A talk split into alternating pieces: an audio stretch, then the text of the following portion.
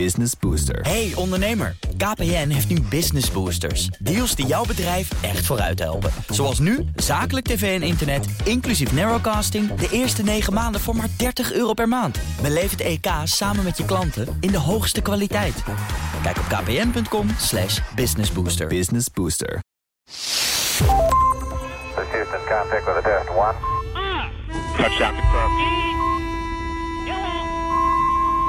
Welkom allemaal bij Space Cowboys nummer... Ik heb nooit enig idee, Thijs. Vertellen. 113. 113. En vandaag nemen we op met Thijs Roes. Ja, dat, dat, dat ben ik. En eh, naast mij staat ook uh, Ingeloes ten Katen. Hallo. Hey, welkom terug. Ja. En eh, Michel van Baal. En met Michel van Maal, dat ben ik. En eh, we hebben eh, een boel te bespreken. Wat ik eerst dacht van, nou is er eigenlijk niet zo heel veel gebeurd. Maar het is altijd, als we dan vervolgens gaan kijken, dan, dan, hebben, we, dan hebben we toch wat nodig. Even, even een kort rondje, wat hebben we? Thijs, wat heb jij mee? Nou, als Ingeloes naast mij staat, dan heb ik altijd heel veel vragen over Mars. Ja, Wanneer, waar, hoe, wat, wat, waarom. gaan we doen. Maar ik, heb ook, ik, doe, ik ga ook even over de kortjes vandaag. Dus wat korte klitjes hier en daar die er allemaal zijn gebeurd. Dus eh, dingen die goed gingen en verkeerd gingen. Gaan we doen. Eh Ingeloes, wat heb Ja, jij? ik heb eigenlijk ook iets over de aarde.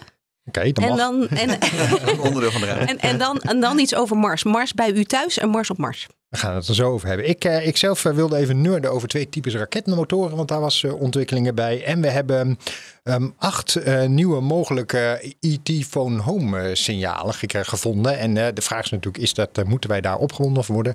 Ik kan alvast vertellen, het antwoord is nee. Maar het is toch leuk om het er even over te hebben straks. Maar la- laten we even beginnen bij, bij de komeet. Ja, bij de, de hemel, bij de, bij de actuele, want het is nu nog woensdag. Als je dit nog hoort in de week waarin het, ehm, eh, wij dit opnemen, dan kan je omhoog kijken vanavond. eh, maar je hebt en een verrekijker nodig en je moet wel echt donkere luchten hebben. Maar dan kan je een komeet zien en dat is eigenlijk sowieso leuk, want hoe vaak kan dat nou? Ehm, en eh, iedereen noemt hem de, de groene komeet. Eh, daar gaan we het zo even meteen over, over hebben. Maar hij heet dan officieel heet hij C2022 E3ZTF. Wordt ook al komeet ZTF genoemd. Ja. En je moet een beetje kijken richting Polaris, de Noordster. Daar, ehm, dus als je de grote beer weet te vinden, het, stilpannetje, het einde van het stilpannetje.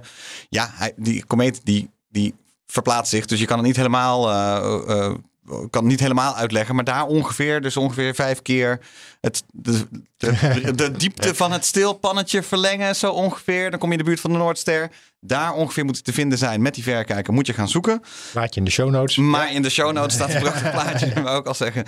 waar je het eigenlijk veel makkelijker eh, kan zien. En nu hadden wij eh, van tevoren eh, met z'n allen over van waarom, waarom is het ook weer groen? En zijn niet alle kometen groenig? Eh, ja, veel kometen zijn wel groenig. Ja. ja, wat je hebt is zo'n komeet die wordt natuurlijk bestraald door al het licht van de zon. En afhankelijk van de, ver- van de verbindingen, sommige verbindingen in die komeet nemen een bepaalde kleur eh, licht op. Eh, en die kunnen daardoor ook weer ander licht uitstralen. En wat je nu ziet is bijvoorbeeld de koolstof-koolstof of die carbonverbindingen in de komeet. Die absorberen ultraviolet licht, maar stralen dan een beetje groen licht uit. En dat is onder andere waarmee je het, het groene licht ziet. Je schijnt het niet goed te kunnen zien met de verrekijker. Dus eh, de New York Nee, Times die je- waarschuwde al van eh, ga niet denken dat je de mooie plaatjes van het internet hetzelfde ziet. Nee. Het is een vlekje. Het is gewoon een vlekje. Een beetje een wazig vlekje. Hoe bijzonder is deze eigenlijk? Weten we dat? Is, hij, eh, is, is het eentje met een periodiek? Of, of zijn we hem één keer, komt hij één keer lang, zijn we hem kwijt? Hoe? Nee, Nee, het- 50 50.000 jaar Oh. is hij er al niet geweest. Oh ja, dus als je mist, dan heb je... heb, je, heb je weer een kans. Maar Ja. hij is wel pas vorig jaar ontdekt. Dat is dan ook wel weer grappig. Want ehm, ja, het was gewoon een telescoop die de hemel aan het scannen was. En opeens zei van, hé, hey, er is iets nieuws. Dus niet alsof we deze al jaren aan zagen komen of zo. Dat vind ik ook wel weer geestig. En is het eh, ook niet zo dat gewoon omdat hij dichter bij de zon is... dat hij dan actiever wordt omdat hij heet is... en dat hij daarom dan groener of zichtbaarder wordt? Exact. En wat je dan heel goed kan zien is dat omdat die heter wordt, ehm, een groot deel van de komeet is natuurlijk ijs. Eh, en dat wordt niet vloeibaar in de ruimte, want er is geen druk. Dus als de komeet heter wordt, dan dat ijs wordt onmiddellijk omgezet naar gas. Hmm. En wat er dan gebeurt is dat gas, dat komt in de staart, maar dat neemt ook allerlei stofdeeltjes mee. Dus daarom krijgt zo'n komeet ook een staart. Nou ja. Eh, dus vandaar dat je heel goed eh, die staarten kunt zien als die dichter bij de zon is. ja. En dan noemde hij nog die carbon. En wat is dat dan? Wat, Dat is een C7-binding, een koolstof-koolstofverbinding. koolstof, en is dat heel normaal? In kometen wel. ik weet maar omdat, ze, wel. omdat ze heel erg Dat elkaar, koud is en... eh, ze op elkaar geperst. Ja, maar er zitten die, die, die verbindingen die zijn gevormd onder hele andere processen eh, voordat ze in dat ijs terecht zijn gekomen. Mhm. En sommige van die verbindingen worden ook weer gevormd door reacties met ultraviolet of ko- kosmische straling eerder. Ehm, en in principe zijn dit soort hele, eh, zijn dit hele sterke verbindingen die niet echt worden afgebroken. Dus je ziet het nu ook weer. Je kunt heel veel UV-straling erop eh, sturen, maar die CC-verbinding die blijft wel gewoon intact. Ja. Het enige wat hij doet is dus een groen licht uitzenden, zeg maar. En komt hij nou uit de begindagen van ons zonnestelsel? Of Oeh, dat is een goede vraag. dat Eh, weten we natuurlijk niet 100% bij, bij elke komeet. Maar Nee, Maar- maar, met deze periode komt hij in ieder geval ver weg. Dus Kuipergordel of verder.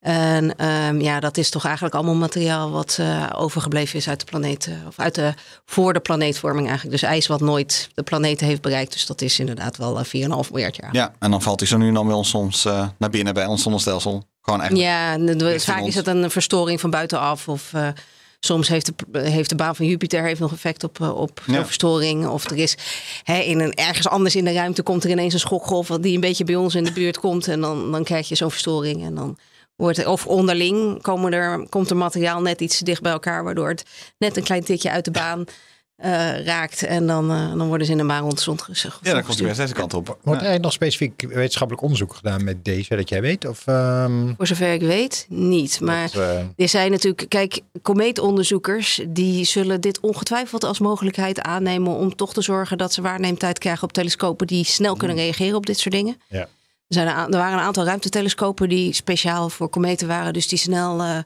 normaal gesproken neem, waarneemtijd vraag je eigenlijk altijd ver ja, van tevoren aan. ja.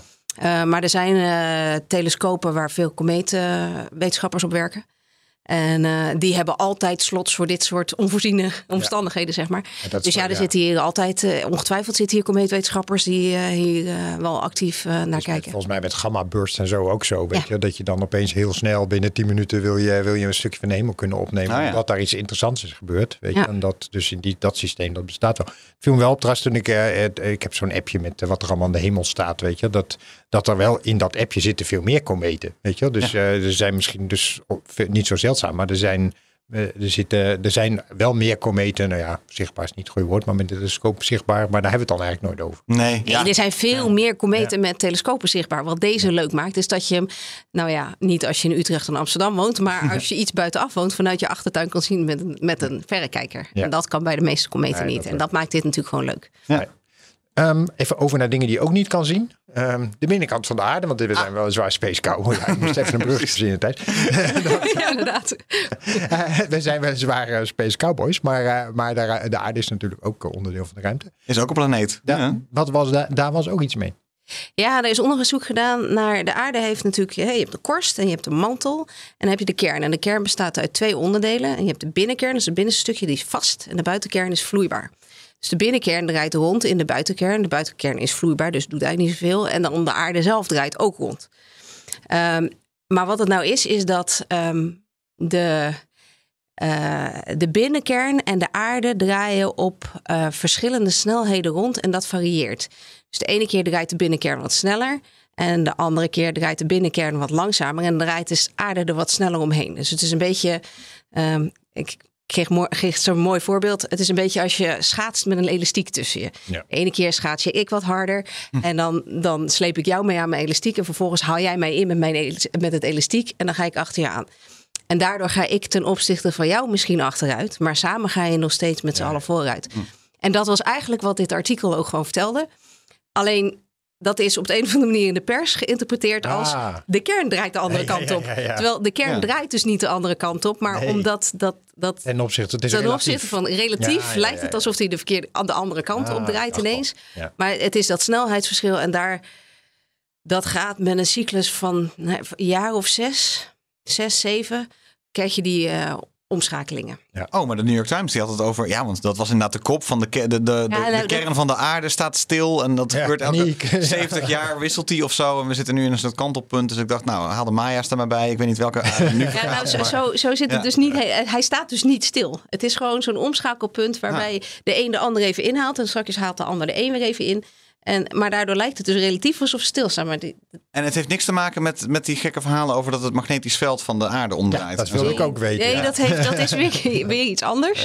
Oké. En dat heeft hier niet direct mee te maken. Want ehm, eh, Omdat het magnetisch veld van de aarde zit weer in het vloeibare deel. Want dat is de convectie in het vloeibare deel. En dat staat hier. Kijk, wat dit is, is de beweging van de vaste kern ten opzichte van de rest van de aarde. Mhm. En ja, dat vloeibare deel, dat, dat wappert daartussen. En dat gaat alle kanten op, zeg maar. Ja, dat, maar dat vloeibare gedeelte, daar zit dan dus het ijzer in, wat zorgt voor een soort dynamo-effect, wat Ja. dan zorgt voor het magnetisch veld van De aarde. de aarde. En alleen de aarde heeft dat. Van onze... Nee, nee, nee, nee. nee. Oh, nee ja, ja, alle gasreuzen hebben dat natuurlijk. Gasreuzen hebben het ook, Jupiter ja, tuurlijk, Een ja. gigantisch magnetisch veld. Tuurlijk. Mars had het vroeger, heeft het niet meer. Eh, eh, we weten nog steeds niet waarom niet. Weten we dat eigenlijk? Omdat we kunnen zien, en dat hebben een aantal missies, hebben vanuit de ruimte opnames gemaakt van de korst van het oppervlak van Mars. En daar zie je magnetisch veld wat is opgeslagen in gesteente. Dat is ook hoe we het magnetisch veld op de aarde terug kunnen berekenen. Dus in lava's wordt bijvoorbeeld magnetisch veld opgeslagen. Dus op Mars zie je ook, en je ziet ook hele mooie lijnen, dat dat magneetveld eh, plus en min en plus en min is geweest. Dus omgekeerd is, dat kun je Ja. allemaal zien. Ja. Alleen het is er nu niet meer. En de, eh, het magneetveld opslaan in gesteente kan alleen maar als dat vanuit de kern is gekomen. Ja. Mercurius heeft nog steeds wel een magneetveld. Oké. En. Venus ook niet meer. En Venus ook niet meer. Nou, Nog even, even terug, want ik had nog een vraag Ja. over, die, over die kern. Hè. De- hoe weten we dit eigenlijk? Eh, dat, we, dat die kern eh, al langzamer of sneller draait? Eh, Weet iemand dat? Eh, hoe, hoe kom je daarachter? Want je kunt, dat kun je ook niet zien. Nee, dit wordt gedaan met behulp van eh seismometers, als het goed is. En dat wordt met eh, aan getijdenwerking en zo gekoppeld. Dus het zijn satellietdata die gekoppeld worden aan seismische data. En, Maar er zit wel een ruimtevaartcomponent in. Dat, eh, beetje dat is gelukkig weer fijn. Ja. Ik hoor iemand satelliet, ik word meteen wakker. Ja, dat- Oh, ook. Wauw, super interessant. Maar ook wel weer fijn dat de aarde dus eh, nou, nee. toch wederom niet vergaat. Precies. In We, ieder geval gaan, nog we niet. vergaan nog steeds in. Nog niet. Nee, nee, precies. We hebben nog even. Eh, als we dan toch vergaan, mag ik het bruggetje maken? Ja, Dan, eh, nee, ik dan- weet niet hoe dit bruggetje gaat, maar volgens mij gaan we het over jij raketmotoren. Nee, ik wilde, Oh. nee, ik wilde naar die, eh, de signalen van, eh de, van IT Phone Phone toe. Oh, ik ben Dus, benieuwd. een van de belangrijke vragen natuurlijk is, eh, eh, ja, die iedereen wel fascineert. Zijn we nou alleen in het heelal? Eh, nou, heel vaak roepen we af en toe. Je kent wellicht ook het be- beroemde wow-signaal, weet je. Dat, eh, eh, ja, dat is toch altijd weer nieuws. En wat er zijn blijken nu nieuw, acht nieuwe signalen gevonden zijn in oude data. Waar ehm, eh, door ah, die oude data eigenlijk opnieuw door te spitten, maar dan behulp met machine learning. Weet je, eh, hebben ze eh, binnen, ik geloof dat het vijf, vijf sterren waren tussen 30 en 90 lichtjaar, dus relatief dichtbij. Hebben ze acht technosignalen gevonden. Nou, betekent dat nou, was één signaal is geen signaal, kan gewoon toeval zijn, zeg maar. Maar het zou, zeg maar, wellicht een, een indicatie kunnen zijn van beschaving elders. Nou, nogmaals, zal hoogstwaarschijnlijk niet, maar toch. Uh, maar het is wel interessant wat ze gedaan hebben. En daar, uh, daarom wilde ik het er toch even over hebben. En dat is dat ze, uh, dat ze dus machine learning hebben gebruikt op die databases van al die telescopen die er al waren. Ja, weet je, die al die data al hebben gedaan. Zat er een beetje aan te komen natuurlijk. In ja, al die jaren. blijkt dat die algoritmes die ze gebruiken om, om die, uh, uit die ruis want je, signalen te filteren, die, die zijn eigenlijk heel ouderwets. Weet je, die, en het grote probleem wat je daarbij hebt, is dat je. Uh, je kijkt naar radiosignalen, uh, omdat die nou ja, zo, zo lekker bruikbaar hiervoor zijn. Maar ja, wij als mensheid produceren zelf ook heel veel radiosignalen. Ja. Dus je weet eigenlijk niet precies van als je, als je een signaal hebt, ja, is het nou een uh, IT-phone home of, of, of zijn wij het zelf? Nou, 99.000 van de, van de 1 miljoen keer zijn we het natuurlijk zelf. Uh, maar hoe haal je dat ene signaal er nou uit? En dat hebben ze geprobeerd om, dat, om software te trainen in, in dat beter uitfilteren. En dat blijkt dus nieuwe signalen op te leveren die dan toch boven water komen, die je anders niet gevonden had. Nou, wat je dan gaat doen normaal gesproken, en dat hebben ze met volgens mij Queen, uh, Queen hoe heet het telescoop ook weer, een van die Green Banks. Green Banks hebben ze al even gedaan. Even kijken, komt het signaal terug? Nogmaals, één signaal is geen signaal. En het antwoord is natuurlijk nee. Dat is wel een oh. beetje jammer. Ze hebben al wel even op die plek kort gekeken van kunnen we het signaal opnieuw uh, vinden? Want dat is natuurlijk spectaculair ja. nieuws. Uh, maar helaas, helaas dat, uh, tot nu toe in ieder geval niet gelukt. Maar ze willen eigenlijk nu dit algoritme loslaten op nog veel meer data. Om te kijken, ja, kun je op die manier toch uit die enorme bak ruis dingen filteren die misschien heel interessant zijn. Kan je, kan je nog herinneren die SETI at home van ja. vroeger? Ja, ja. het is toch een ja. beetje, dus, dus dat je thuis software kon installeren eind jaren 90, begin 2000 om naar aliens te zoeken in al deze data. Ja. Zijn, zijn, we toch ja. een eind gekomen? Zo, nou ja, het, ze hebben jou niet meer nodig. Nee, ze, ze hebben ons absoluut niet meer nodig van onze Pentium, uh, met ons nee. Pentium 3. Uh, maar de... Het is ooit begonnen, wat ik wel grappig. Ja. ik las dat dit ooit begon als een, een, een project van een scholier op een middelbare school, maar zijn, maar zijn docent vond niks. Dus dat is uiteindelijk, nou ja, als we hier maar met koppig volhouden, kun je toch uiteindelijk een, eh, een, een, een publicatie in Nature scoren. Ja, precies. Dus dat is toch wel, uh, wel, uh, wel grappig. Het lijkt me wel slim, inderdaad. Dus dat ze nu het op gaan trainen op alle data die er is. En dus eigenlijk gewoon die ruisdetectie ja.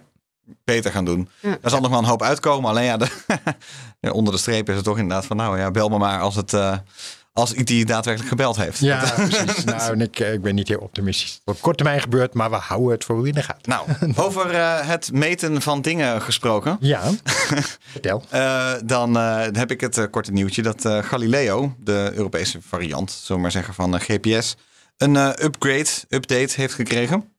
Waardoor het nu mag vallen onder wat ze dan officieel een high accuracy service noemen. GPS was toen het oorspronkelijk uitkwam, maar op enkele meters uh, uh, nauwkeurig. Dat is in de afgelopen jaren al wel verbeterd. Galileo had altijd uh, als satellietnetwerk de belofte dat het veel beter zou worden dan GPS.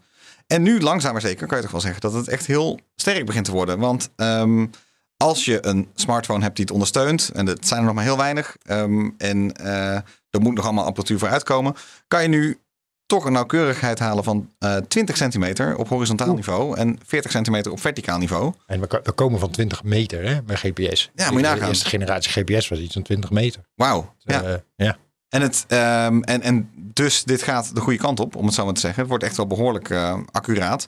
Het grappige is eigenlijk dat, uh, wat is er nou gewoon vooral verbeterd? De uh, manier van communicatie en het meten van de tijd tussen deze satellieten. Dus het gaat er eigenlijk voornamelijk om dat deze uh, nieuwe generatie satellieten van Galileo vooral heel goed weten uh, hoe laat het is. Ja. En um, heel snel dat kunnen vertellen aan alle andere satellieten. En daardoor is de plaatsbepaling nog accurater geworden. Dat, um, dus dat is eigenlijk wel heel goed. Uh, en ik, waar, ik, waar ik benieuwd naar ben is van wanneer ja, deze toepassing nou breed wordt opgeschaald. Want nee, ik bedoel, alles met uh, van Tinder dat uh, GPS gebruikt ja, ja. voor locatie. Tot natuurlijk gewoon je, je, je, auto, om het zo maar te zeggen.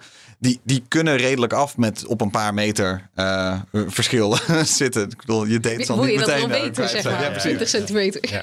Maar die 20 centimeter wordt dan dus bijvoorbeeld voor, um, als je het hebt over akkerbouw of de vervuiling en zo, kan het heel relevant worden om te kijken waar, er, waar te droog of te, goed. Hey, als je alle sensoren exact weet waar ze staan kan dat veel uh, fijnmaziger worden. Dus daar zijn, ligt nu eigenlijk uh, heel veel ruimte.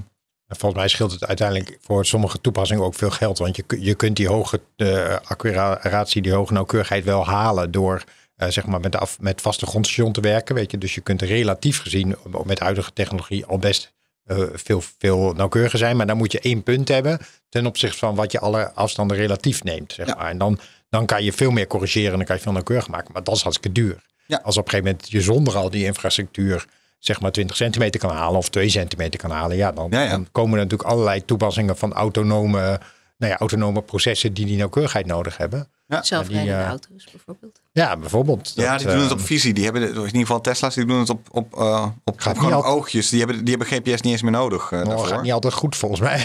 Nee, nou, Nou, steeds vaker, steeds beter. Nou, wat, je, wat je volgens mij ook krijgt, is dat, dat dat soort auto's op een gegeven moment, dat doen ze volgens mij nu al, met elkaar gaan communiceren. Weet je, Ja. van, eh, eh, eh, en dan wordt het natuurlijk wel handig als die, die nauwkeurigheid. Weet je, ik sta, ik sta in dit parkeervak en ik, ik sta precies hier. Weet je, dat is, dan is 20 centimeter het verschil tussen een aanrijding. Ja. dat, eh, ja. Eh, dus, ja. Wat je net zegt over die grondstations, dat klopt. Dat zegt ESA dus ook. Eh, ESA zegt dat kan dus eigenlijk nog nauwkeuriger dan die Ja. 20 en 40 centimeter. Daarvoor moeten er meer grondstations gebouwd worden. En dan zeggen ze dat de ehm, nauwkeurigheid dus nog beter Ja. kan. Ja. Dus blijkbaar zijn ze ook daar nog mee bezig om die eh infrastructuur uit te bouwen. Ja, dat, dat, dat, je kunt dat dus lokaal doen op een bouwplaats, wij spreken. En dan is het heel nauwkeurig. Maar je, je wil ze ook in feite op heel veel plekken in Europa hebben staan. Want eigenlijk is die nauwkeurigheid is relatief ten opzichte van het grondstation waar je dichtst bij in de buurt bent. Dus hoe, hoe dichter je daar in de buurt bent, weet je, Hmm. hoe beter die eh, nauwkeurigheid wordt. Ja, ja precies. Dat is een mooi spul. Nou ja, het is wel grappig ook omdat ze de- dus eigenlijk met veel computers op de grond ook deze dit, eh, voor elkaar hebben gekregen. En de satellieten zelf eigenlijk dus... eh, zijn alleen maar klokken. Eigenlijk- eigenlijk zijn het alleen maar hangende klokken. Ja, Ja, wel een hele goede klokken. dat, eh, nou, ik ben eh, door mijn bruggetjes heen. nou, kijk. Eh, dus wat, zullen we eens even kijken wat de volgende... Zullen we naar Mars gaan dan? Als we dan toch... Als we eh, dan toch bezig zijn, dan gaan- we nu gewoon even naar Mars. Ingeloes, Ingeloes, breng ons vertel, vertel, eens wat over Mars. nou, er zijn een paar, er zijn eigenlijk meerdere dingen, eh, nieuwtjes rondom Mars. En ik wil ook nog even vooruitkijken. Laten we eerst maar eens eventjes de nieuwtjes Mhm. doen. Ehm, eigenlijk eerst maar eens even, er is wat nieuws over een oude meteoriet die eh, eh, die we eigenlijk al langer kenden, die, die al langer heel interessant is. Ja. De, de Tissint meteoriet, vernoemd naar, de. Ja, ja, ver- vernoemd naar de plek in Marokko waar die gevonden is. zo gaat dat dan. Kan je eerst even eens uitleggen waarom was die nou eigenlijk zo bijzonder? En kan je dan misschien vertellen wat, wat weten we dan nu nieuw? Ehm, nou, voor Tissint hadden we een aantal Mars-meteorieten die eigenlijk vielen in bepaalde categorieën. Ehm, en ehm, daarvan zijn er ook eh, een aantal groepen hebben ze eh, min of meer weten te herleiden, zelfs naar een specifieke krater op Mars. Wow. En ehm, Sick. eh, dus ja, het, het is natuurlijk hele leuke dingen tegenwoordig. Ja. Ehm, Hoe, dus hoe, dan, zijn, hoe dan? Maar, Ja, hoe dan? Ja, is dat, gaat ver? Dus, ze hebben, dus we, hebben, we hadden eigenlijk een aantal groepen meteorieten. Met alle meteorieten hadden we ook voor Mars. Hadden we eigenlijk als er een nieuwe meteoriet komt. Ga je allereerst kijken waar die vandaan komt. En je kunt aan de mineralogie al zien of het een, eh, een hele oude meteoriet is van voor de planeetvorming. Of dat het een stuk planeet is. Want daar is de mineralogie eh, eh, van verwerkt door allerlei processen op die planeet. Ehm, dus dat is de eerste stap. Je kijkt, hey, komt die van een asteroïde of komt die van nog een oude bouw- bouwsteen of komt die van een planeet? Ehm, en vervolgens ga je kijken, nou, deze kwam, komt dan van Mars. Lijkt die dan op de andere Mars-meteorieten? En deze leek heel erg niet op wat we al wisten. Dus het was al een beetje een outsider. Ehm, en ehm, toen is er eh, onderzoek gedaan naar eh, nou, ja, onder andere de samenstelling in de mineralogie. Maar er wordt ook altijd bij Marsmeteorieten wordt er ook gekeken naar wat vinden we organisch materiaal eh, in deze meteorieten. En dat heeft natuurlijk een klein linkje naar zouden dat wellicht Ja. organische moleculen kunnen zijn geweest die ooit wat met leven op Mars te maken Leven, hebben. leven, leven, ja. Leven, leven, leven, leven, leven. Ehm, maar zo niet. Als er dan, is er dan wel, zijn er andere processen waardoor je organisch materiaal op Mars kunt hebben? Nou, dat kan natuurlijk Ja. sowieso door het inregenen van andere meteorieten op Mars. Ja. En stofdeeltjes van kometen en zo. Ehm, dus, dus dat heb je. En je hebt. ehm, dus er wordt altijd gekeken van vinden we organisch materiaal en waar zou het vandaan kunnen komen? Maar wacht even, je zegt, je zegt dus eigenlijk dat het materiaal van een meteoriet van Mars, zeg maar, dat zou tweede orde meteoriet kunnen zijn. Dus het, het materiaal eigenlijk van een andere, dus in twee stappen bij ons terecht is gekomen. Dat kan. Nou, dat kan heel goed, want Ja. we hebben natuurlijk met Curiosity hebben we ook organisch materiaal gevonden op Mars. En ehm, daar, ja, daar zijn een aantal hypotheses voor waar dat vandaan gekomen zou kunnen zijn. Ehm, en wat we op dit moment van Mars weten is, ehm, we hebben nog geen enkele aanwijzing van leven. Dus dat dat organisch materiaal van Mars van leven komt, zou wellicht mogelijk kunnen zijn. Maar dan moet je nog een hele lijst andere Ja, ja, ja. hokjes afvinken. En die hebben we nog allemaal niet afgevinkt. Ehm, er zouden processen zijn die op Mars organisch materiaal kunnen vormen. Ehm, dat is onder sommige condities mogelijk. Maar of die condities op Mars aanwezig zijn geweest, weten we eigenlijk niet. Nee. Ehm, en eh, zeker in eh vroegere eh, tijden in het zonnestelsel. eh, en, en dat materiaal wat Curiosity heeft gevonden is eh 3,5 miljard jaar oud. Ehm, toen werd ook op de aarde en ook op Mars werd heel veel organisch materiaal aangeleverd in de vorm van grotere meteorieten, me- micrometeorieten, die komeet waar we het net over hadden, dus stofdeeltjes van kometen en zo. Daar zit heel veel organisch materiaal zit daarin en dat werd hoe dan ook aangeleverd. En dat is, Ja. kan natuurlijk op de een of andere manier gewoon in, in uiteindelijk de grond op Mars en dan samengeperst worden tot het oppervlakkigsteente van Mars. Dat kan daar gewoon in terecht zijn gekomen. Ja. En dan weer En- weggeslingerd door de En als je een nieuwe eh, inslag krijgt, kan dat Ja. weer doorgeslingerd worden. Al bijna En toevallig. Ik bedoel, Ja, ja. niks toeval. Maar het is gewoon heel, dat zou gewoon heel bijzonder zijn als toevallig dan toch zo'n stukje eh, hebt. Maar nu hebben ze dan, wat Nou, hebben wat ze dan nu heel ontdekt? leuk is Ja. hieraan, is dat ehm, eh, hier was al eerder wat organisch materiaal in eh, ontdekt. Maar ehm, degene die de, de hoofdauteur van dit artikel, die heeft een waanzinnig geavanceerd lab. Ehm, die eh, op eigenlijk de, de niet-standaard manier organisch materiaal probeert te meten. Dus de standaard manieren zijn ehm, kijken of je met een bepaald aantal technieken, eh, als je gewoon op de meteoriet kijkt, kun je dan aanwijzingen vinden van organische verbindingen. En dan kijk je bijvoorbeeld, zien we CC, zien we CO, zien we CH. Ehm, of je maakt je meteoriet eh, klein en je probeert door eh, ja, eigenlijk verschillende afwasbadjes probeer je je organische materiaal op te lossen. Hè. Sommige lossen gewoon op in water. Andere moet je andere oplosmiddelen voor hebben. Eh, en uiteindelijk kun je dan ook nog eh, in het overgebleven stuk kun je het gesteente eromheen oplossen, zodat je het niet oplosbare gedeelte. Dus dat is wat ze normaal gesproken doen. Of wat we, ik ook, en wat Ja. we normaal gesproken doen. En wat dit lab heeft nu een aantal nieuwe analyses waarmee ze een veel groter bereik aan ehm, eh, organische moleculen kunnen detecteren. Ehm, en zij kijken dan niet naar één type molecuul, maar zij kijken echt naar een hele brede range van allerlei verbindingen. Dus die kunnen echt alle mogelijke CH-verbindingen, CHN-verbindingen, CNO-verbindingen, CO-verbindingen, nou, noem maar op. Alle types verbindingen die je in organische moleculen, die kunnen ze allemaal apart karakteriseren. En dan kunnen ze vervolgens combineren van nou, wel- welke combinaties zien we dan in die locatie in. En hoe komen die combinaties voor? En op die manier kun je in meer detail bekijken van goh, wat voor types organisch materiaal zien we nou? En ehm, ze konden hiermee ook kijken in hoeverre dat organische materiaal, hoe zich dat verhield tot het gesteente in die meteoriet. Dus dat het, eh, dat, het, dat het onderdeel was van het gesteente, dat het onderdeel was van sommige mineralen en hoe dat eh, aan elkaar gerelateerd is. Dus nu ineens hebben we een veel groter beeld van organisch materiaal, wat dus van Mars afkomstig is. Want ze Ja. hebben ook uitgesloten dat dit eh, aardse vervuiling is. Ja, en dat biedt natuurlijk allerlei perspectief van ja, maar waar komt dat materiaal dan van? Onder wat voor condities is dat gevormd? Eh, dus dat geeft ineens veel meer inzicht in het, het type organisch materiaal wat we lokaal zouden kunnen vinden. En Ja, dat is met meer. ja, en dat de huidige apparatuur die we op de rover zetten, kunnen dit niet. Nee, Ehm, zo- die konden het niet met dat hele lab eh, bekijken. Ja. Maar gaan die dat kunnen? Of is, dat, eh, is het dat te, spe- te- heb je daar een te grote hoeveelheid a- apparaten voor nodig? Dit, wat, wat dit lab kan, denk ik dat we niet geminiaturiseerd krijgen om naar Mars. Moet het echt, eh, Maar, om Ja, een brugje te maken. Nee, wacht, het bruggetje mag zo ook wel heel even voor de mensen die, eh, die de termen niet goed kennen. Even dat orga- organisch materiaal. Heel even, dat is eigenlijk elke koolstofverbinding die Nou, kan het tot... komt- het- even, even voor mensen die dat niet kennen, die Ja, term. het zijn eigenlijk koolstofverbindingen die ook eh, een deel daarvan kan door leven gebruikt worden. Eh, maar het zijn eigenlijk koolwaterstofverbindingen voornamelijk. Eh, dus het is niet alles wat koolstof is, is organisch. Bijvoorbeeld CO en CO2, dus kooldioxide, koolmonoxide. eh, dat is niet organisch. Dus het zijn vaak koolwaterstofverbindingen. Ehm, en het, het is een tijd uit de hele vroege begin van de chemie. Ehm, want ehm, het zijn eigenlijk de verbindingen waarvan ze vroeger dachten dat alleen leven die kon vormen. Ja. Dus daarvan zeiden ze dat zijn de organische verbindingen.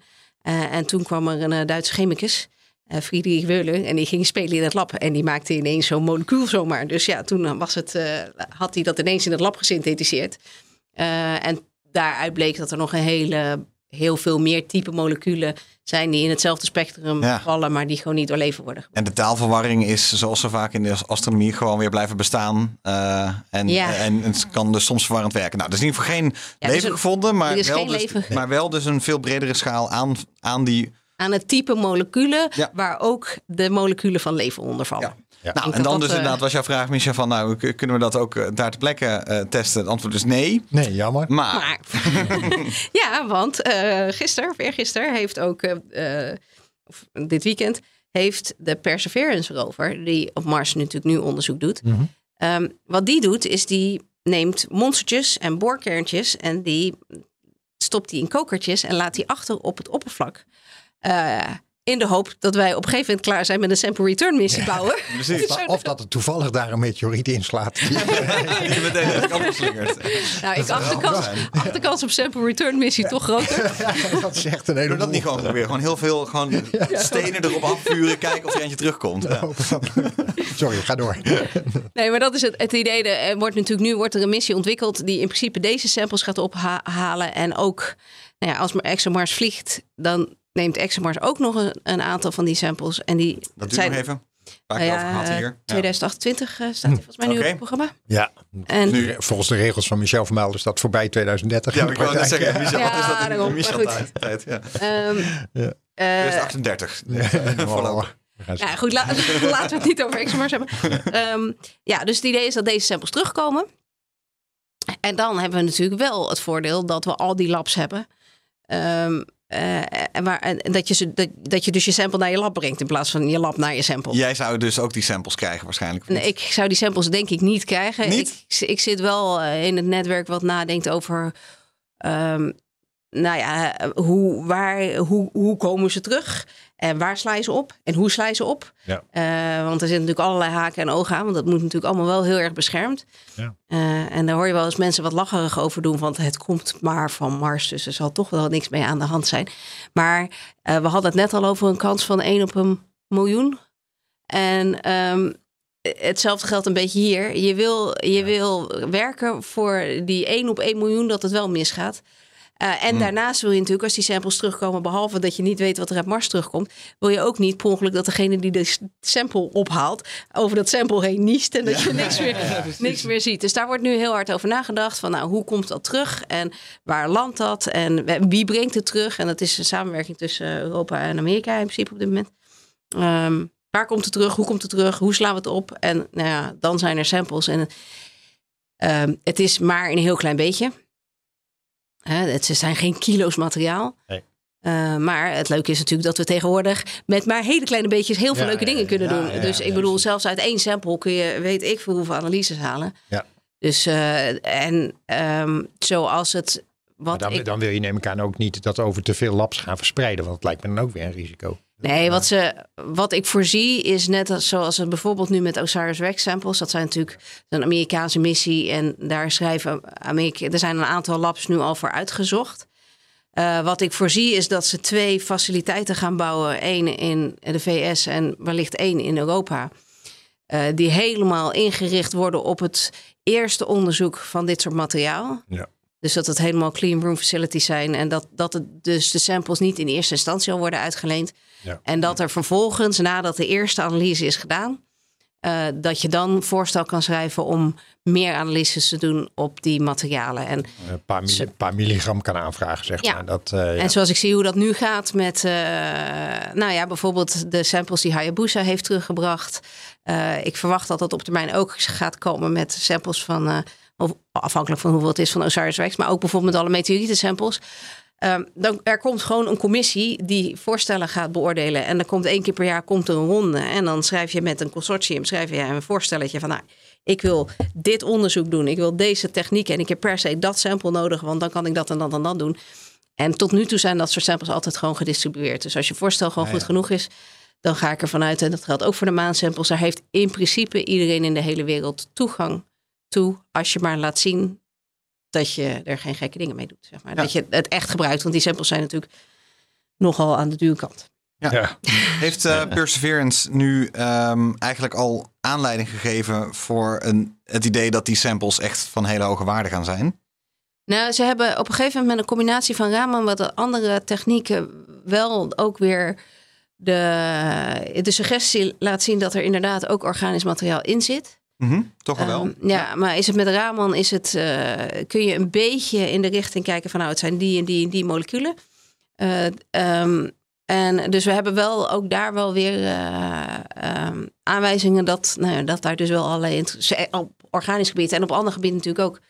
Toch wel, want er was ook een beetje nieuws rondom Perseverance dat het misschien dat, dat de plek zelf misschien geen vloeibaar water had gekend. Of misschien ja. toch niet zo interessant was als gehoopt werd, om het zo maar te zeggen. Dat er dus minder geologische processen bewijs uh, van zou liggen Geel, dan nu. Geel was misschien... Toch beter geweest? Was, nou ja, goed. maar uh, misschien ben ik een beetje bevooroordeeld. Hè? Dat ja, ja. natuurlijk ook. Uh, Je verlangt gewoon terug naar... Ja. ja. Good old Geel. um, nee, ja, weet je... Um, Uh, het is altijd een beetje een trade-off waar je naartoe gaat. En kijk, op basis van wat we van tevoren wisten, is er natuurlijk gewoon een hele weloverwogen keuze gemaakt. Uh, en we hebben natuurlijk heel veel waarnemingen vanaf uh, orbit, vanuit een baan om Mars, over, uh, over wat we denken dat de processen waren. En ja, dat, dan was dit gewoon een van de betere locaties. Ja, en dus, dat is ook echt inherent aan de ruimtevaart. Weet je, je kan tegen de tijd dat, dat het ding Ja. er is, ben je alweer zoveel verder met je kennis dat je Hm. achteraf gezien altijd andere keuzes had gemaakt o- o- voor je instrument. Weet je, ja, dat is, eh, dat is gewoon zo. Weet je, dat, daar Ja. kun je niet voorkomen. Nou ja, en, en wat, wat natuurlijk, hoe dan ook, ehm, wat we nu krijgen is ehm, een sample set waar we exact de locatie van weten. Ja. Mhm. Dus we krijgen hier op aarde, waar we natuurlijk alle meest geweldige instrumenten ooit hebben, krijgen we samples waarvan we precies weten wat de omgeving was. We hebben eh, fotomateriaal, we hebben allerlei ander materiaal. We kunnen terug, eh, we weten precies wat vandaan komt. En nou ja, net als met die Marsmeteorieten. Nou, van één set kunnen we dat wellicht terugcorreleren naar een specifieke krater. Maar in alle andere gevallen, bedoel, de Tissint waar we het net over hadden, Ja. is heel interessant. Maar van welk deel van Mars die komt, Ja, jee. ja. Ja. En niet. nee, en Ja. dat weet je niet. En dat is zeker in zo'n geval van Tissint is dat natuurlijk ook heel interessant. Waar komt die vandaan? We moeten, we moeten alleen nog even wachten. Dat is, eh, Ja, ja, ja, dat, ja, is, ja. eh, dat is het enige nadeel. Ah, we komen wel op een vraag die ik je eigenlijk al wel langer wilde stellen. En dat gaat hier ook wel een beetje over. Ehm, dat is, nou ja, ook waar we het zo meteen over gaan hebben, eh, SpaceX. Die willen naar Mars. Hè? Dus van, we moeten ook met een, eh, de- het idee is een bemenste missie naar Mars. Maar dan kom je dus ook, als het aankomt op planetary protection... en zorgen dat het dus inderdaad niet besmet wordt. Zijn er nou, eh, weet jij iets van het, van, zijn er al ideeën over waar je dan wel zou moeten landen? Want je zou eigenlijk op een niet al te interessante plek moeten landen. Als je dus de, de boel wil beveiligen, om het zo maar te zeggen, tegen onze besmetting. En andersom. Eh, Is er, is er al is er een plek op Mars waar we eigenlijk het beste heen zouden kunnen als mens? Als mens. Ja, als mens. Kijk, kijk, kijk, nee, want bemenste. er zijn namelijk Dus een aantal plekken op maar Mars. helemaal niet. Maar echt heen gaan. Ja. Ja, nee, ja, dat, dit, eh, maar ik, ik denk niet als mens op Mars. Ik wil met mijn karretje naar de plek waar ik denk ja. dat we wat, echt wat kunnen vinden. En daar kunnen we ook nog steeds niet naartoe. Dus er zijn een aantal locaties waarvan toch steeds meer mensen denken... nou, als we nog een keer ergens naartoe gaan... zonder mensen met zo goed mogelijk gesteriliseerde karretjes... en misschien wel toch nog een keer met een echte live detectie- detectie-missie... Mhm. dan moeten we naar een aantal, maar naar die specifieke locaties... Eh, Ja, de namen? en zo? ja, de ene is M-A-R-W-T-H. Eh Marth Valley. Oké, Ja, ik weet nooit hoe je dat uitspreekt. Marth. Marth. En ehm, ja, er zijn er nog één of twee, maar ik, die namen weet ik niet uit mijn hoofd. Mhm. Ehm, maar dat zijn de ja, geo- geologisch meest interessante regio's... waarvan we ook denken dat daar het langst water is geweest... maar waar we ook zien dat er allerlei interactie is geweest. Dus niet gewoon alleen maar een tijd een grote oceaan en toen weer niet... maar er zijn allerlei processen geweest. Ehm, en vandaar denken we ook dat daar ook recent nog wateractiviteit is geweest. En daar zouden, en daar gaan dus nu ook wel stemmen op in een aantal eh, eh, communities. En dan ben ik de naam vergeten. Er zit in Amerika zit een groep die bezig is met, een, met toch de ontwikkeling van een Marsmissie in die richting. Hier in Europa is er ook een consortium mee bezig. En die willen ook echt, ehm, nou ja, net als Viking, maar dan nog meer geavanceerde instrumenten meesturen die echt gaan zoeken naar leven. Eh, om daar toch naartoe te gaan voordat de hele invasie van mensen komt. Ja, ja, ja, precies. dat Je is wil naar die plek waar, Ja, en de is Musk niet Ja, heen gaat. Ja, eigenlijk wel. Ja. En als je Elon Musk ergens naartoe wil sturen, dan wil je hem natuurlijk eigenlijk naar de, ja, Ja. Waar de, de, de minst interessante. Nou ja, de- Size. Wat zijn de Nou ja, wat zijn de mensen? moet- Of naar de Polen? Nee, je moet naar de plek waar je de, de minste kans hebt om heel snel dood te gaan. Dat, Ja, ja, ja, en dat is echt een andere vraag. Dat is heel anders. Want eh, De minste kans om heel snel dood te gaan. Ja. Ja. Ja, Ja, omdat het wel eens ging over sample return miss- missies. Van ja, ja, een mens kan besmetten, maar een mens kan ook veel makkelijker, veel sneller. oh, je me- potjes wat, Curiosity en Perseverance nu doen, dat kan. Bedoel, Curiosity zit nu tien jaar op Mars. Ja.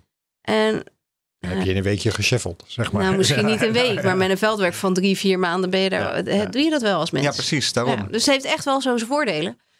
Maar het, het maakt met die levensvraag toch, wordt dat een dingetje. Want je bent gewoon bang dat, het, dat die Je weet- besmetting er wel zou zijn. Als het leven heel erg lijkt op leven wat we hier hebben, Mm. dan hoe, hoe maak je het.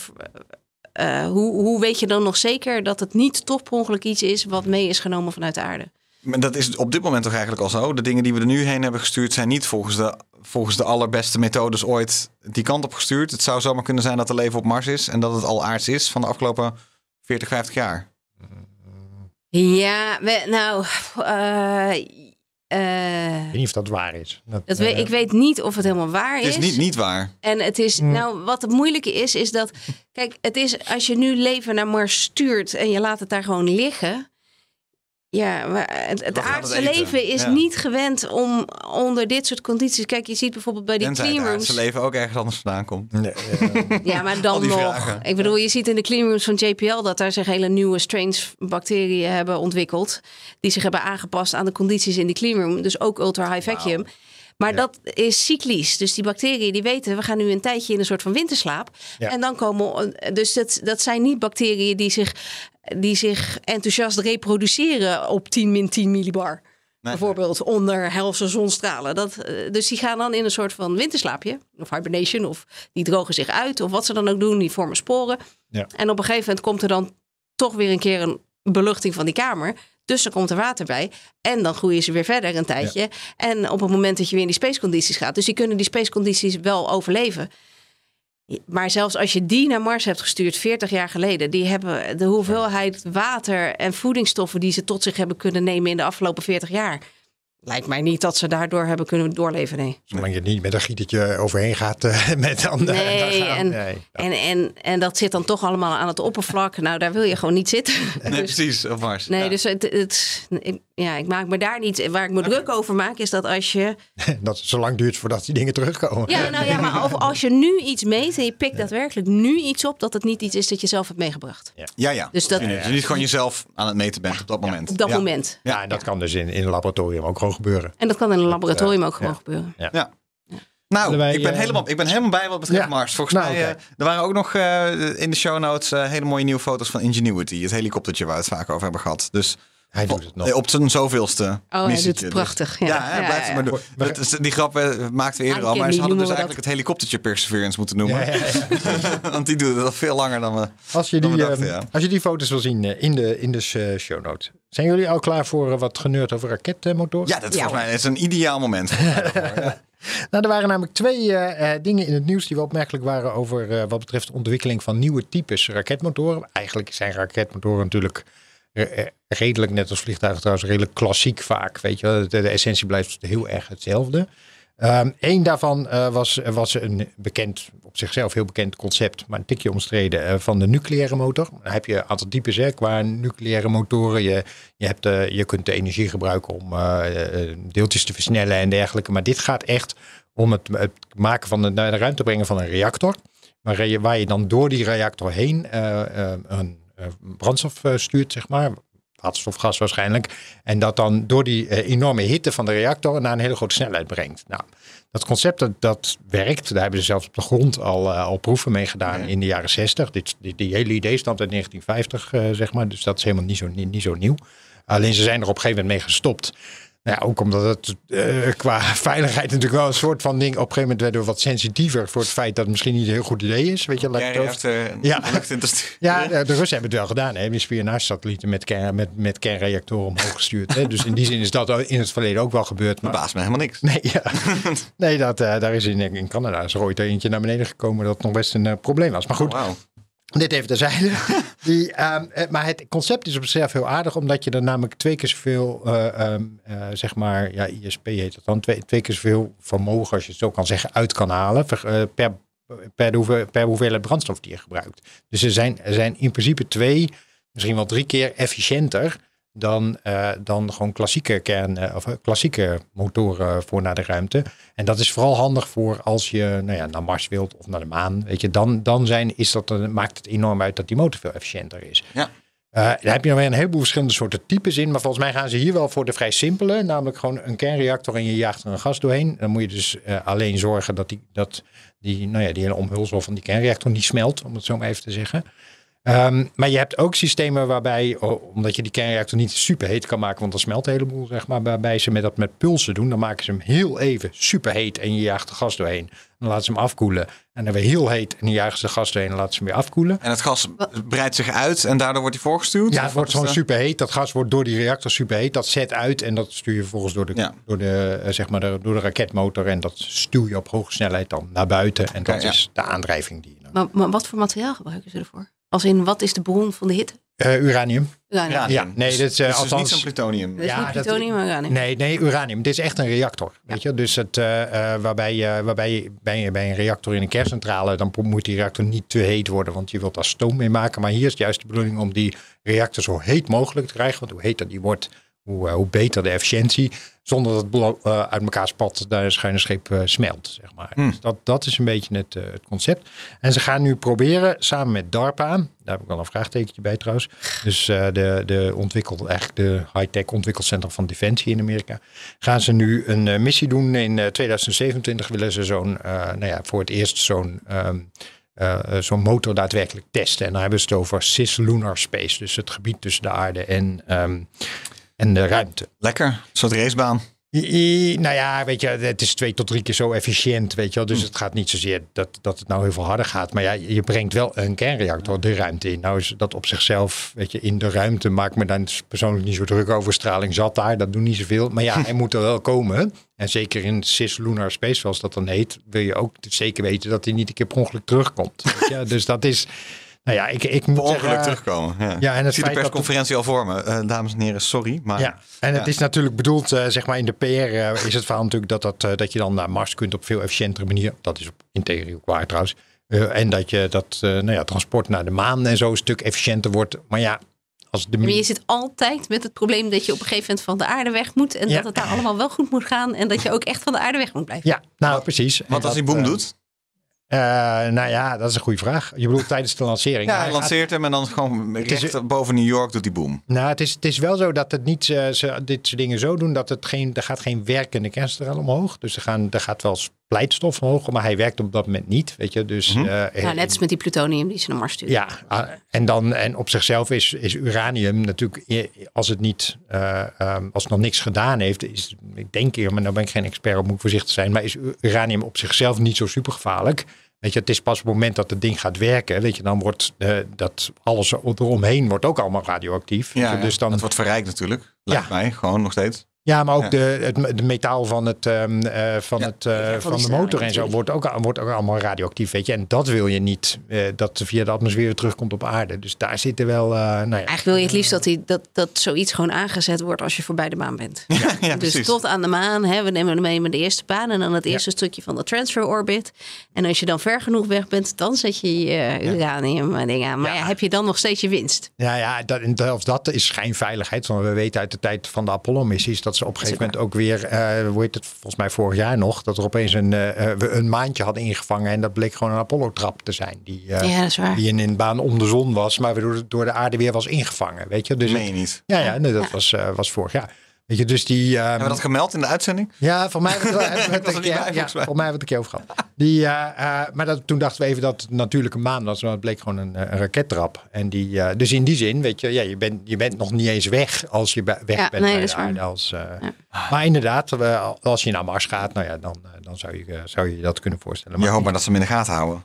Ik blijf het een ongemakkelijke vinden. Nou, gelukkig Dus heb ik nog een alternatief. Oh, een alternatief. Oh, ja, sorry. 2027 omhoog. Was Ja, is, Ja. eh, eh, nogmaals, de lanceertijd. Hè, dus eh, je weet hoe het, eh, hoe, wat je, daar, dat je daar een paar jaar dan mee op moet tellen. Ja. Ehm, eh, maar goed, het, het, is, eh, eh, eh, nee, het is technologisch ook niet zo vreselijk ingewikkeld. Weet je? Het, is, weet je, het is eigenlijk gewoon een beetje vergelijkbaar met een hybride raketmotor. Je jaagt ergens door iets relatief statisch, wat niet hoeft te bewegen. Er is bijna geen beweging onder Nee, natuurlijk niet. Nee. jaag je er een gas doorheen, weet je. Dus nou ja, je moet alleen zo, die, die ehm, natuurlijk een, een mobiele kern, kernreactor daarvoor ontwikkelen. Maar voor de rest is het technisch, nou ja, eh, eh, nou ja wie, wie ben ik om het te zeggen, maar niet zo ingewikkeld.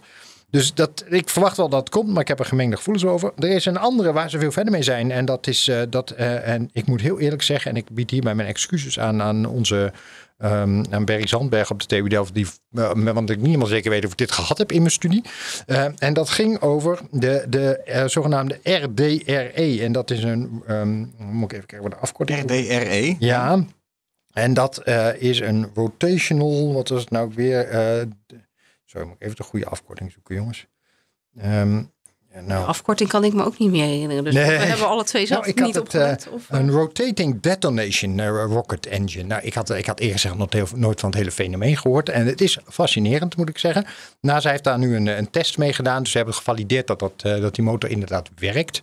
Die moet 25% eh, efficiënter zijn. Dus ietsje andere orde dan we net over hadden. Maar 25% efficiënter zijn dan een normale eh, engine. En wat je je moet voorstellen is dat een normale engine doet aan verbranding. Weet je, dat is, eh, ehm, en deze engine gebruikt ontploffing. En dat is chemisch weliswaar dezelfde reactievergelijking, maar net even wat anders. Bij verbranding heb je een, een oppervlak eigenlijk waar een reactie plaatsvindt. En hier gaat alles in één keer. Van binnenuit, bij van Ja, van binnenuit. ja. En- Interessant onderscheid. Ja, en dat, eh, daar komt veel meer energie bij vrij. En, en daardoor is die motor efficiënter. Alleen ja, dat is in een raketmotor een ontploffing. Dat zijn twee woorden die je meestal niet in één zin gebruikt in een persbericht. Dus, eh, maar hier gebruiken ze hem eigenlijk heel slim. En zelfs dit is eigenlijk best wel oud. De- het hele concept stamt ook al uit 1950. Maar vandaar dat baas dat ik nog eerder was tegengekomen. Wat je eigenlijk moet voorstellen, je hebt een soort ringvormige kamer. Een, eh, eh, dus het is een, eh, een cilinder en daar zit een, een dunnere cilinder in, zodat je een ring overhoudt. En in die, een, ehm, en in die ring loopt eigenlijk een ontploffing rond. Nou, voor één, of ik heb filmpjes Oh, gezien ja. met zelfs Ja, drie ja. ontploffingen. Die, al die door die ring eigenlijk, dus je, je spuit daar op een hele slimme manier telkens brandstof in. Zodat je telkens condities krijgt waarop nou ja, de boel ontplofbaar wordt. En dan krijg je een rondlopende ontploffing. Mooie filmpjes. Eh is leuk om te zien. Nou, high Show speed Eh, ja, staat, ja ik zorg dat ze in notes staan. Een high-speed camera waarin je dan kunt zien hoe die ontploffingen rondlopen. En daardoor kun je dus eigenlijk een ontploffing aan de gang houden in die motor. En dat levert dus heel veel stuwkracht op. Veel meer stuwkracht op dan een klassieke motor. En ja, het hele eh, probleem is alleen, het is waanzinnig ingewikkeld. En daarom zijn we, begint het nu blijkbaar een beetje echt van de grond te komen. Er zijn veel meer groepen in de wereld mee bezig. Je hebt heel veel rekenkracht, heel veel supercomputers nodig om uit te rekenen hoe dat hoe je dat in stand houdt en dat je dat stabiel kan houden. Maar ze hebben nu eh, gedemonstreerd dat het ding daadwerkelijk werkt. Dus ik vind dat eh Oh, opmerkelijk en, eh en verbazend dat ik er, ik kijk ook even naar Engeloes, eh Nou, dat ik er dit, nooit dit, eerder over concept, gehoord dit heb. concept met die opvolgende ontploffingjes heb ik wel eens gehoord. Oké, Dus bij deze wil ik dan wel de eer geven aan deze. ja precies. Nou, nou heb ik dus niet zitten opletten, vrees ik. Een jaar of mij. Hè? Ja, precies. Fascinerend. Hij werkt al als in ze hebben die motor gewoon ergens op de grond getest. Ja, en Ja. eh, meer, ja, nou, ze hebben gewoon een eh, filmpjes ook van, eh, van een Ja. werkende motor. Dus daar, Precies. ehm, Dus nu is nog wacht op een raket die gebouwd wordt met dit Ja. principe. Ja, nu willen ze, moeten ze gaan kijken waar ze dit eh, in kunnen bouwen. Het is, het is ook vooral bedoeld hoor, voor eh, in-orbit gebruik. Hè. Dus eh, niet, niet zozeer vanaf de grond. Ik weet niet of het genoeg vermogen oplevert. om Van, dit waarschijnlijk niet. Maar eh, als je naar Mars gaat, is 25% effi- eh, procent efficiëntie eh, winst is wel echt eh, heel erg waardevol. Ja, weet je ja. wel. Dat, dat telt namelijk door in, in al het andere wat je aan het doen bent. Payload. Ja, het het levert je heel veel extra payload op. Dus eh, eh, ja, de, ehm, wat was het nou weer? Rotational eh, Detonation Rocket Engine. Nou, ik, heb- ik, heb, eh, ik heb er weer wat van geleerd. Ik hoop jullie ook. nou, heel goed. Ik heb alleen nog maar wat kortjes. Ik zit even te kijken of we verder door alles heen zijn. Ik heb ook nog één kortje voor zometeen. Oh, een als, kortje het- als, dan, het- als we nog tijd hebben. Ding, Maar, doeng. Nou, we hebben precies nog tijd voor de kortjes. Ehm, even kijken hoor. Dan is het eerste kortje is dat er een glitch was bij de James Webb telescoop. En dat is altijd vervelend. Als er iets aan de hand is met James Webb, dan is het meteen ah, paniek. Eer- eerst paniek en dan kijken wat er aan de hand is. Ja. Eh, en het viel allemaal mee. Ehm, er was eigenlijk eh, de, het NIRIS-instrument eh, deed lastig. Om een of andere reden deed gewoon eigenlijk, je kan gewoon zeggen, er was had een bug in de software. Of ze kregen hem gewoon niet aan de praat. En dus waren eigenlijk alle waarnemingen die gepland waren, die zijn gecanceld. En eh, vandaag kwam uit dat hij het gelukkig weer doet. Dus nou, Kijk. dat is doeng, doeng, doeng. Dat was het kortje. hij, hij, hij doet het weer. Ehm, Dat is best be- dat is helemaal niet zo ongebruikelijk hè, voor eh Nee, satellieten. nee, en bovendien eigenlijk van James Webb zou je kunnen zeggen dat het voornamelijk bijzonder is hoe goed hij het doet al de hele tijd. Dus eh, eigenlijk geen nieuws is goed nieuws. Dit was een klein nieuwtje waar eigenlijk het blijkt hoe, dat het relatief goed met James Webb gaat. Dus dan eh, mocht Er iemand is die toch nog headline... iets menselijks uit precies. deze. Mocht iemand het, eh, de headline hebben zien eh, langskomen, het valt allemaal gelukkig wel mee. En dan het andere wat eh, aan de hand is, dat is dat eh, natuurlijk in- in Boca Chica nog steeds de hele tijd wel eh, iets aan de hand is. Eh, we zitten eigenlijk met z'n allen te wachten op de wat? Starship. maar, maar wat precies? Ja, de Starship eh, launch. Ik vind het ook wel grappig dat ik vorig jaar april er dus was. En toen eigenlijk Ja, nou, ja, ik weet nog wel, toen ongeveer exact een jaar geleden in februari wist ik wel van nou, april gaan we niet halen. Maar het kwam uit in mijn persoonlijke leven om dan te gaan. Dus ik dacht van nou, misschien mis ik hem op twee maanden. Ik had niet gedacht dat het echt een jaar later, want daar lijkt het dan wel. Ze zeggen dus nu februari, maart, dus dat wordt april. Dat, weet je nu al. Maar er was dan in ieder geval een, eh, de wet dress rehearsal, zoals ze hem noemen. Eh, in principe het eh, even vol tanken en weer leeg tanken van de volledige booster met Starship erbovenop. Is allemaal goed gegaan. Geen gekke dingen. als je naar Artemis kijkt, op zichzelf best knap is. Als het ja, precies. Precies, dat het gewoon inderdaad ook gewoon in één keer dat, dat wel goed gaat. En er is eh, voor aanstaande vrijdag alweer, eh, ja, zijn er road closures eh, gepland. Dus het zou zomaar kunnen zijn dat er aanstaande vrijdag alweer getest wordt. Maar hoe dat er dan precies uitziet, niemand die het eigenlijk weet. Nee. Ook nog steeds een beetje onduidelijk van, is nou die, is nou die vergunning er al? Dat ook, waarschijnlijk komt hij gewoon op het moment dat we er klaar voor zijn. Dat is een beetje de verwachting. En eh, En toch vind ik het wel opmerkelijk, want ik heb echt het gevoel dat de vaart eruit is. We, we weten dat gevoel we- heb je. dat het- maar ja, er is dus allemaal- wel iets aan de hand. Nee, maar in, Ja. in breder dan. We hebben een jaar geleden, wat, wanneer was het, hebben we ooit bejubeld dat, eh, dat het nou echt ging beginnen, Ja. weet je wel. Ja, dat is Eh, waar. En eh, nou ja, weet je, dit is eigenlijk een ja, onbegrijpelijke reden, nou ja, eh, toch wat eh, stilgevallen, zeg maar. Ik, ik las ergens dat Vir- Virgin Orbit op, op de grens van faillissement zit, eh, weet je wel. Dus Ja, dat kan schijnt ook niet Virgin goed te gaan. Ja. Ik weet niet of jullie over Blue Origin recent, wel even los van het feit dat ze motoren lanceren, maar op zichzelf, weet je wel, de, de, de, de lanceringen van Blue Origin voor toeristen en dergelijke, hoor ik eerlijk gezegd ook niet zoveel meer van. Dus Dat, dat is niet, wel, dat ligt de ehm, toekomst ook niet echt, denk ik. Nee, dat Al- ook niet. Alle maar, ballen ehm, op Starship is het eh, toch ja. behoorlijk. Nou, maar het is wel, ik heb het idee dat er op heel veel vlakken wel gewoon, eh, nou ja, de, de, de, de vaart er echt, uit is. Ik wil niet zonder denken. band zo hoor. Nee, maar, ik zit te denken, als je het hebt over eh, ruimtetoerisme, dan ben ik het wel met je eens. Maar dan, Ja. dat, dat is er wel. En dat wordt niet eens meer elke keer ge- ge- gemeld als het wel zo is. En bovendien, ja, ik, ik heb daar persoonlijk heb ik daar weinig mee. Ik kwam me vorig jaar herinneren toen op een gegeven moment de een naar de andere omhoog ging. Ik was echt bij de eerste, vond ik het al niet echt ja, maar het interessant zijn er helemaal niet zoveel geweest. Dat, Nee, eh, nee, nee, nee. Tegelijkertijd heb je wel, weet je wel, succesvolle start-ups zoals Electron die het dan goed doen. Weet je, Ja. er gebeurde aan dat het niet, het niet bemande deel waar die, die hype marketing niet zo op zit. Daar gebeuren nog steeds best wel veel dingen. Maar die, de grote drie, weet je, de drie bedrijven die om het hardste riepen, weet je wel, dat ze nou ja, de ruimtevaart was even gingen revolutionaliseren. Waar heb jij dat van eh, Virgin Galactic vandaan? Want ik zat er zelf aan te denken van, goh, waarom komt daar toch maar niet de hele tijd een keer een bericht dat ze failliet zijn? Want al, in principe is het al jarenlang nee, natuurlijk heel Virgin- moeilijk. Volgens mij Virgin Orbit gaat het over. Hè? Dat, ze, dat Orbit. is de, dat, eh, die hadden recent die mislukte lancering. eh, Die dan de eerste land was ook een beetje ge- gehyped. Oh ja. De eerste lancering vanuit eh, Europees grondgebied, Oh ja. soort of. Weet je, met eh, van onder de, dat is de raket die onder een eh, vliegtuigvleugel vandaan. na- na- maar daar werd, wordt al een tijdje naar het businessmodel met, met zorg gekeken. Omdat ja, dat, die lancering kost 12 miljoen euro. En ze hebben volgens mij eh, eh, nu al iets van een miljard euro aan Ja. investeringen gedaan. En ze schijnen iets van 20 miljoen euro per maand aan, aan kosten te hebben. Dus ja, hoe gaat dat ooit werken? Weet je? En, dus, en recent eh, las ik ergens dat het heel veel moeite kost om nieuw geld op te halen. Ja, ja. Ja, dus met, met, ja, met die burn rate en het feit dat die raket voorlopig even nergens heen gaat omdat de lancering eh, mislukte, zie ik het wel een beetje somber in. Ik, eh, ik heb wat dat betreft, eh, laat ik maar even gewoon een positieve biertje zijn. Ja. Ik, eh, ben, ik, ik, ben, ik, ik kijk uit naar Starship en ik heb het idee dat daar wel het een en ander gaat gebeuren. Vraag is wel, wanneer, wanneer komt de eerste Marsmissie dan? Dus voorlopig is het echt de, de eerste eens halen en kijken of dat allemaal lukt. Ja, Eerst maar eens eventjes in de rond de aarde krijgen, vrees ik. Ik denk dat dat, eh, dat, dat het is. dat zou al super knap zijn. Maar het duurt wel, eh, het duurt allemaal veel langer. Wat is het ook met die ruimtevaart? Het duurt allemaal veel langer dan we van tevoren dachten. Ja.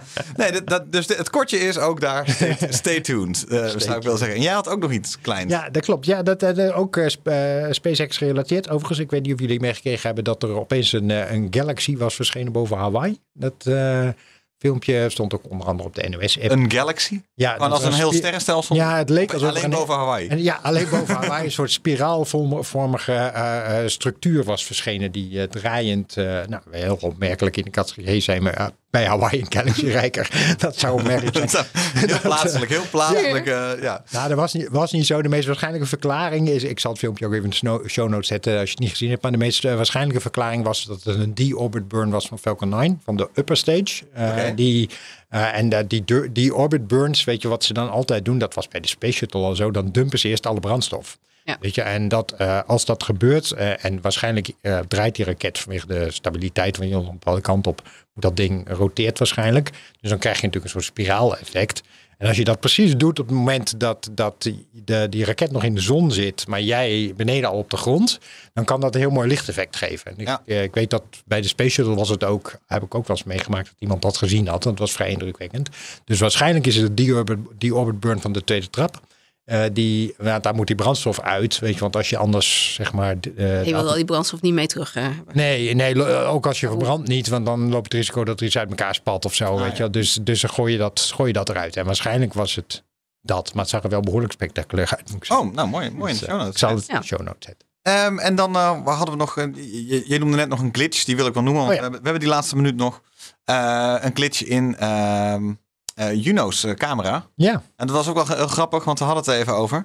Dit was, was een camera die eigenlijk een beetje op het laatste moment erbij gezet is. Vanwege public outreach. Dus Ja. eigenlijk alleen maar een, ka- een goede camera meesturen, zodat er mooie plaatjes terug kunnen komen. Nou, dat doet hij aardig, hè? En dat Ja. doet hij aan. Het zijn echt super vette foto's. En je kan je toch ook bijna niet voorstellen dat die camera er dus niet op had gezeten. En dat het alleen maar meetinstrumenten waren. Ja, dat was, Ongelooflijk. Maar dat was in die tijd, weet je, was dat nog redelijk eh, een gevecht in dat, dat de wetenschapper, ik kijk je niet verwijtend aan, hoor, Engeloes, maar de, Je kijkt wel Hey, vanuit ho, ho, ho, Engeloos. ho, ik ben hier de Auschwitz-wetenschapper.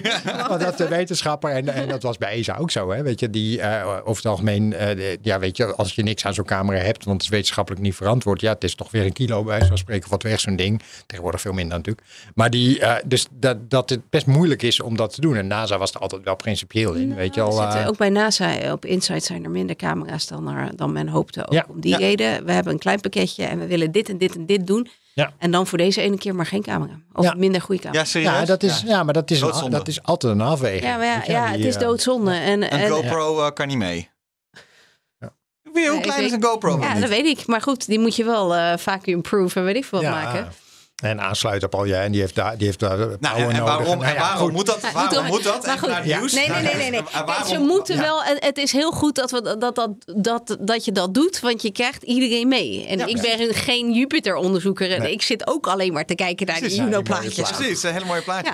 Ja. Maar goed, er was dus een waarom? glitch. Ja, want, Er was is een dus een glitch. Je, je kan dus eigenlijk apparaten die niet gemaakt zijn voor ruimtevaart niet zomaar meesturen naar boven. Is dus wel gebeurd. Nou, wat is dan het, het, het grandioze, de, de vreselijkheid ervan? Dat die na, hoe lang ha- hangt Juno wel niet in de lucht? Al meer- bijna tien jaar. 2016 is hij aangekomen volgens mij. En eh, nou, soms valt hij uit, want hij wordt te heet. Dus Ja. da- daar lijkt het op. Dus dan was hij ingepland om 90 foto's te maken. En een derde van de foto's kwam garbled eh, of helemaal niet terug. Dus dat, eh, Ja, het duurt, hij doet het soms niet. Maar het ook, duurt, eh, duurt blijkbaar steeds langer voordat de, voordat de beelden goed worden. Dat die dus voldoende blijkbaar is afgekoeld. Om, dus ze waren eerst, volgens mij is het een keer eerder gebeurd, maar waren ze heel weinig foto's kwijt. En nu waren ze heel veel, eh, heel groot deel kwijt. Dus in die zin is het wel zorgelijk.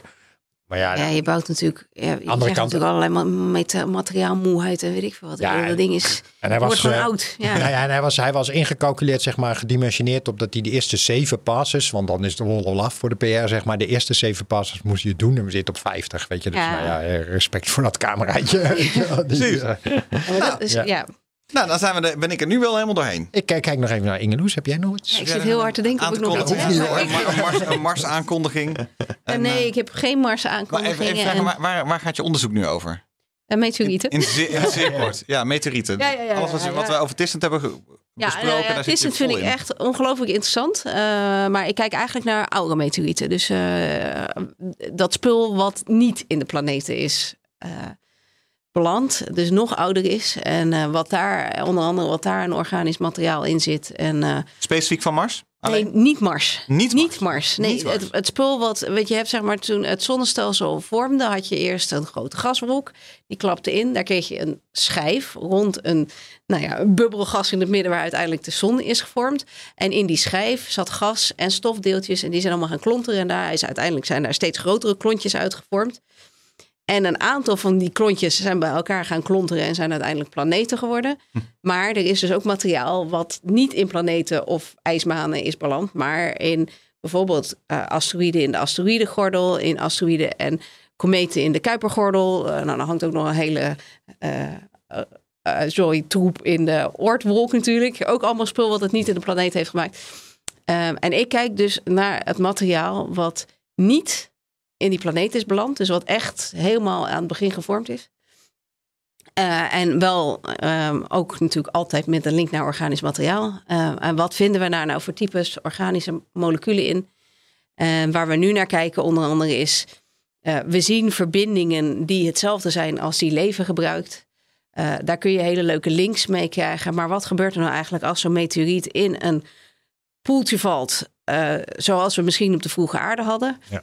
Ehm, valt zo'n meteoriet dan uit elkaar en blijven die organische verbindingen dan heel handig intact, zodat ze inderdaad verder kunnen reageren?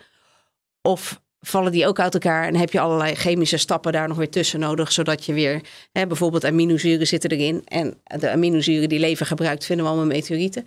Komen die inderdaad kant-en-klaar uit de meteoriet of vallen ze eigenlijk gewoon allemaal uit elkaar en heb je weer nieuwe reactiestappen nodig om weer aan die nieuwe aminozuren te komen? Om te kijken of ja. of, de, die come- of die meteorieten een bijdrage hebben kunnen leveren aan het kickstarten van het leven Ja. op Ja. aarde. Dat is dan eigenlijk. Ja, en, en er, er zijn heel veel aanwijzingen dat dat misschien niet het geval is. Misschien is het ook wel het geval. Dus er, zit, er blijven allerlei hypotheses nog. En ik probeer op deze manier eens te kijken van, kan dat wel? Ja, maar Volgende- mag je een wetenschapper natuurlijk nooit vragen, maar wat denk je zelf? Ja, precies. ik ook zoiets vragen. Ja, ik vind het heel moeilijk, want er zijn eigenlijk twee scenario's. En, en, en er zijn voor beide scenario's zijn er Nee, je moet maar, nu. Nee, ja, ik kies niet, punt. Gelijk heb je.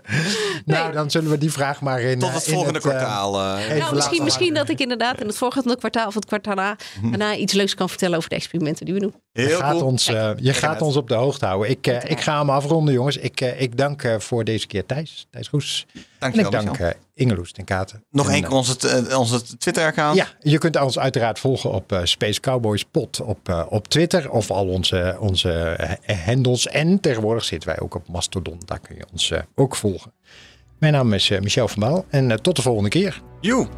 Doei! Doei. Doeg!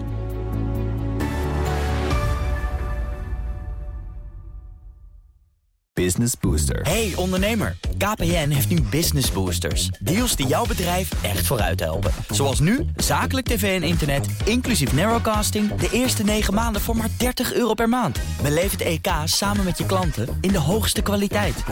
Kijk op kpn.com slash businessbooster. Business Booster.